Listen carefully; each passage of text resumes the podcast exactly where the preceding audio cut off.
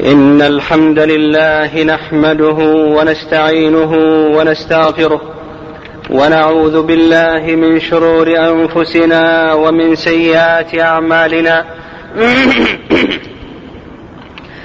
من يهده الله فلا مضل له ومن يضلل فلا هادي له. وأشهد أن لا إله إلا الله وحده لا شريك له. وأشهد أن محمدا عبده ورسوله. أما بعد فإن خير الحديث كتاب الله وخير الهدي هدي محمد صلى الله عليه وسلم وشر الأمور محدثاتها وكل محدثة بدعة وكل بدعة ضلالة. عباد الله اتقوا الله وكونوا مع الصادقين. اصدقوا مع الله واصدقوا مع عباد الله فإن الصدق يهدي إلى البر وإن البر يهدي إلى الجنة. وما يزال الرجل يصدق ويتحرى الصدق حتى يكتب عند الله صديقا. لقد سبق لنا في جمع سابقة أن تحدثنا عن جملة من الأخلاق النبوية. ومن هذه الأخلاق خلق الصدق. الصدق الحديث وحفظ الأمانة وعفة النفس والقناعة بالمقسوم من صفات المؤمنين والكذب والخيانة من صفات المنافقين ومن الناس من يعجبك قوله في الحياة الدنيا ويشهد الله على ما في قلبه وهو لد الخصام. قد اشترى الضلالة بالهدى والعذاب بالمغفرة والعاجل بالآجل وبظلمه واقترافه واقترافه الكذب. خرج من المخاطبين بقوله تعالى يا أيها الذين آمنوا اتقوا الله وكونوا مع الصادقين. إن كثرة الكذب وقلة الصدق آفة إذا استشرت في مجتمع ما أدخلت عليه الشقاء. ونكد العيش. فكل خبر يسمع لا لا يطمئن إلى صدق مخبره حتى يت حتى يتأكد منه. وكل سؤال يسأل لا يرتاح إلى صدق مجيبه. لا يطمئن في التعامل مع أهله. لا في بيعه وشرائه. ولا في غير ذلك. فهل يمكن لأحد أن يحيا حياة مثمرة في مثل في مثل هذا المجتمع؟ فضلا عن أن تكون حياة سعيدة. إن تقدم المجتمع وسلامته واطمئنان أفراده كل ذلك مرهون بشيوع الصدق بين أفراده وانتشار الثقة بينهم واضمحلال الكذب في تعاملاتهم. وعباداتهم وإعلامهم ومدارسهم وفي شؤون حياتهم كلها. لقد حث النبي صلى الله عليه وسلم على الصدق لأنه مقدمة الأخلاق والداعي إليها وهو علامة على رفعة المتصف به. فبالصدق يصل العبد إلى منازل الأبرار وبه تحصل النجاة من جميع الشرور. كما أن البركة مقرونة بالصدق. ففي حديث حكيم حزام رضي الله عنه أن النبي صلى الله عليه وسلم قال البيعان بالخيار ما لم يتفرقا فإن صدقا وبينا بورك لهما في بيعهما وإن كذبا وكتما محقت بركة بيعهما. ولذا فإنك لا تجد صادقا في معاملاته إلا وجدت رزقه رغدا قد حاز في ذلك الشرف والسمعة الحسنة. يتسابق الناس إلى معاملته فالصادق يطمئن إلى فالصادق يطمئن إلى قوله العدو والصديق.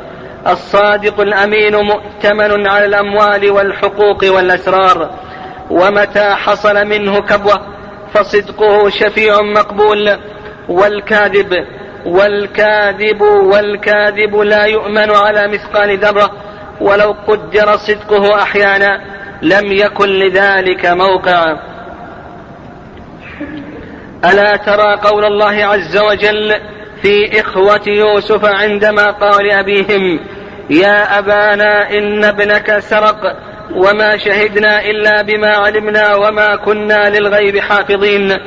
واسأل القرية التي كنا فيها والعير التي أقبلنا فيها. وإنا لصادقون قال بل سولت لكم أنفسكم أمرا. فصبر جميل عسى الله أن يأتيني بهم جميعا.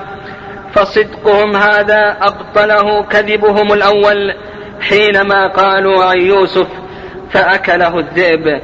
الصدق أيها المسلمون تبرم به العهود الوثيقة. وتطمئن له القلوب على الحقيقة. فمن صدق في حديثه كان عند الله وعند الناس صادقا محبوبا مقربا موثوقا شهادته بر وحكمه عدل ومعاملته صدق. ومن صدق في عمله بعد عن الرياء والسمعة فصلاته وزكاته وصومه. وعلمه ودعوته لله وحده لا شريك له لا يريد بإحسانه غشا ولا خديعه ولا يطلب من أحد من الناس جزاء ولا شكورا. يقول الحق ولو كان مرا. لا تأخذه في الصدق مع الله لومة لائم. العلماء الذين ورثوا الأنبياء في رسالتهم وفي تبليغ الدين الذي جعله الله أمانة في أعناقهم يجب أن يكونوا القدوة الصالحة في تحريهم للصدق في أقوالهم وأفعالهم وأن يعملوا بما يحملونه من العلم وينقلونه من الدين. ولكن كونوا ربانيين بما كنتم تعلمون الكتاب وبما كنتم تدرسون. والتاجر والتاجر الذي يعرض السلعة يؤمل فيها الربح المبارك يجب عليه أن يتحرى الصدق في قوله وعمله فلا يروج سلعته بالكذب والأيمان الفاجرة فإن ذلك يمحق الله به الكسب ويذهب به بركة الربح. والمحترف والصانع. في أي مجال للصناعة يجب أن يتحرى الصدق في قوله وعمله فلا يزعم زعما لا يصدقه الواقع وتكذبه الحقيقة. والموظف والموظف المؤتمن على مصالح المجتمع مهما ارتفعت وظيفته واتسع نفوذه وتشعبت مسؤولياته يجب عليه أن يتحرى الصدق فيما يكتبه ويقرره فلا يقرر غير الواقع. ولا يلبس أو يحابي أو يجامل أحدا على حساب أحد وإلا كان غاشا لأمانته. مضيعا لمصالح العباد وشؤونهم. تعظم مسؤوليته أمام الله عز وجل ويؤاخذ على ظلمه للعباد وتقريره خلاف الواقع. ألا كلكم راع وكلكم مسؤول عن رعيته؟ وكذلك من يحترف الصحافه أو يتصدى لاشاعه الأخبار بأي وسيلة من الوسائل يجب عليه أن يتحرى الصدق فيما ينقله ويرويه فلا ينقل كذبا ولا ينشر باطلا فإن الكذب حين يذاع والباطل حين ينشر يعظم بين الناس خطره ويتفاقم ضرره. ولذلك ضاعف الله عقاب ولذلك ضاعف الله عقاب من ينشر الكذب ويقوله حتى ينتشر بين الناس. ففي حديث جابر بن سمرة في البخاري أن النبي صلى الله عليه وسلم قال في حديثه الطويل رأيت الليلة رجلين أتياني وقالا إن الذي رأيته يشق شدقه فكذاب يكذب الكذبة فتحمل عنه حتى تبلغ الآفاق فيصنع به هكذا إلى يوم القيامة. فالصدق فالصدق بالإضافة إلى أنه أثر للصلاح وعامل للفلاح هو ضياء للساري في خضم هذه الحياة يهديه للتي هي أقوم حتى يكتب من الصديقين ومن زمرة البررة الصالحين. قال ابن القيم رحمه الله تعالى والإيمان أساسه الصدق والنفاق أساسه الكذب فلا يجتمع كذب وإيمان إلا وأحدهما محارب للآخر. فقد أخبر سبحانه أنه في يوم القيامة لا ينفع العبد وينجيه من عذابه إلا صدقه. قال الله عز وجل هذا يوم ينفع الصادقين صدقهم. وعلى هذا الطريق والنهج القويم سار السلف الصالح رحمهم الله فضربوا أروع الأمثلة فضربوا أروع الأمثلة ورسموا لنا معالم الصدق على صحائف من نور. هذا أنس بن نضر رضي الله عنه حين قال أما والله لئن أراني لئن أراني لئن أراني الله مشهدا مع رسول الله صلى الله عليه وسلم ليرين ما أصنع فشهد أحدا فاستقبله سعد بن معاذ فقال إلى أين؟ فقال واهل لريح الجنة إني أجد ريحها دون أحد فقاتل حتى قتل فوجد في جسده بضع وثمانون ما بين رمية وضربة وطعنة فنزل قوله سبحانه من المؤمنين رجال صدقوا ما عاهدوا الله عليه فمنهم من قضى نحبه ومنهم من ينتظر.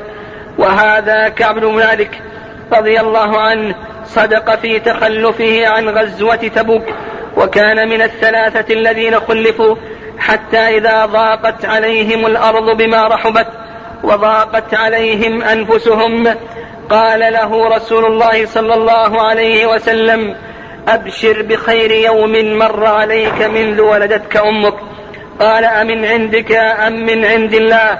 فقال عليه الصلاة والسلام بل من عند الله. قلت يا رسول الله إنما نجاني الله بالصدق وإن من توبتي ألا أحدث إلا صدقا ما بقيت. فوالله ما تعمدت كذبة فوالله ما تعمدت كذبة. فالله ما تعمدت كذبة منذ قلت ذلك لرسول الله صلى الله عليه وسلم إلى يومي هذا وإني لأرجو الله أن يحفظني فيما بقي. وقال عمر رضي الله عنه عليك بالصدق وإن قتلك. وقال محمود الوراق الصدق منجاة لأربابه وقربة تدني من الرب والصادق في عمله يدور مع الشرع حيث دار. اللهم اجعلنا من المتقين الصادقين. اللهم اجعلنا ممن آمن بكتابك وصدق رسولك واتبعه يا ذا الجلال والإكرام. اللهم صل وسلم وبارك على نبينا محمد. الحمد لله رب العالمين وعد الصادقين بالمغفرة والأجر الكريم وأشهد أن لا إله إلا الله وحده لا شريك له وأشهد أن محمدا عبده ورسوله الصادق الأمين صلى الله وسلم عليه وعلى آله وأصحابه ومن تبعهم بإحسان إلى يوم الدين. عباد الله إلى جانب الفضائل والمحامد التي يغرسها الإنفاء الإسلام في النفوس كوسيلة للصلاح والإصلاح إلى جانبها نقائص ورذائل حاربها الإسلام لأنها مزلة للأقدام وفي طليعتها الكذب فهو من أقبح النقائص وأردى الرذائل قال الله عز وجل منفرا منه إنما يفتري الكذب الذين لا يؤمنون بآيات الله وأولئك هم الكاذبون. وقرن, وقرن الله تعالى الكذب بعبادة الأوثان فقال سبحانه فاجتنبوا الرجس من الأوثان واجتنبوا قول الزور فهل بعد ذلك سبيل إلى أن يتخذ المؤمن المؤمن الكذب مطية لسلوكه أو منهجا لحياته؟ ولذلك نرى الإسلام حارب الكذب بكل صنوفه وأشكاله. الكذب من أخلاق الشيطان ومن أخلاق اليهود والنصارى. ومن علامات المنافقين وكفى به شؤما. لقد كذب الله الشيطان حين قال أنا خير منه خلقتني من نار وخلقته من طين. فقال الله عز وجل فاخرج منها فإنك رجيم وإن عليك اللعنة إلى يوم الدين. وكذب الله اليهود والنصارى في قولهم نحن أبناء الله وأحباؤه. فرد عليهم بقوله بل أنتم بشر ممن خلق. عباد الله وتتفاوت درجات الكذب بقدر ما يحدثه من خطر وضرر فأعظم الكذب إثما القول على الله بغير علم والجرأة على التحريم والتحليل دون نص واضح. قال الله عز وجل ولا تقولوا لما تصف ألسنتكم الكذب هذا حلال وهذا حرام لتفتروا على الله الكذب. إن الذين يفترون على الله الكذب لا يفلحون. ويلي ذلك الكذب الذي الذي يتضمن ظلم عباد الله عز وجل في أبدانهم أو أموالهم أو أعراضهم ثم بعد ذلك الكذب الذي يكون مدعاة للتفريق بين الأقارب والأزواج والجيران. قال الله عز وجل يا أيها الذين آمنوا إن جاءكم فاسق بنبأ فتبينوا أن تصيبوا قوما بجهالة فتصبحوا على ما فعلتم نادمين. ثم بعد ذلك الكذب الذي ينتشر لما سلف من حديث جابر بن سمرة رضي الله تعالى عنه اللهم اجعلنا من المتقين الصادقين. اللهم إنا نسألك الهدى والتقى والعفاف والغنى اللهم صل وسلم وبارك على نبينا محمد. اللهم أعز الإسلام والمسلمين وأذل الشرك والمشركين. اللهم عليك بأعداء الدين. اللهم عليك باليهود الظالمين والنصارى الحاقدين. اللهم إنا ندرأ بك في نحورهم ونعوذ بك من شرورهم. يا ذا الجلال والإكرام. يا قوي يا عزيز. اللهم احفظ المسلمين في فلسطين. اللهم كن لهم ولا تكن عليهم. اللهم انصرهم على عدوك وعدوهم. اللهم ألف بين قلوبهم. اللهم سدد رميهم وثبت أقدامهم. واشف مريضهم وداو جريحهم. اللهم احفظ المسلمين في كل مكان. اللهم احفظهم بحفظك التام. واحرسهم بعينك التي لا تنام. اللهم من أرادنا أو أراد الإسلام والمسلمين بسوء فأشغله بنفسه ورد كيده في نحره. واجعل اللهم تدميره في تدبيره. واجعل اللهم الدائرة عليه. اللهم آمنا في أوطاننا وأصلح أئمتنا ولاة أمورنا. اللهم اجعلهم محكمين لكتابك وسنة رسولك محمد صلى الله عليه وسلم.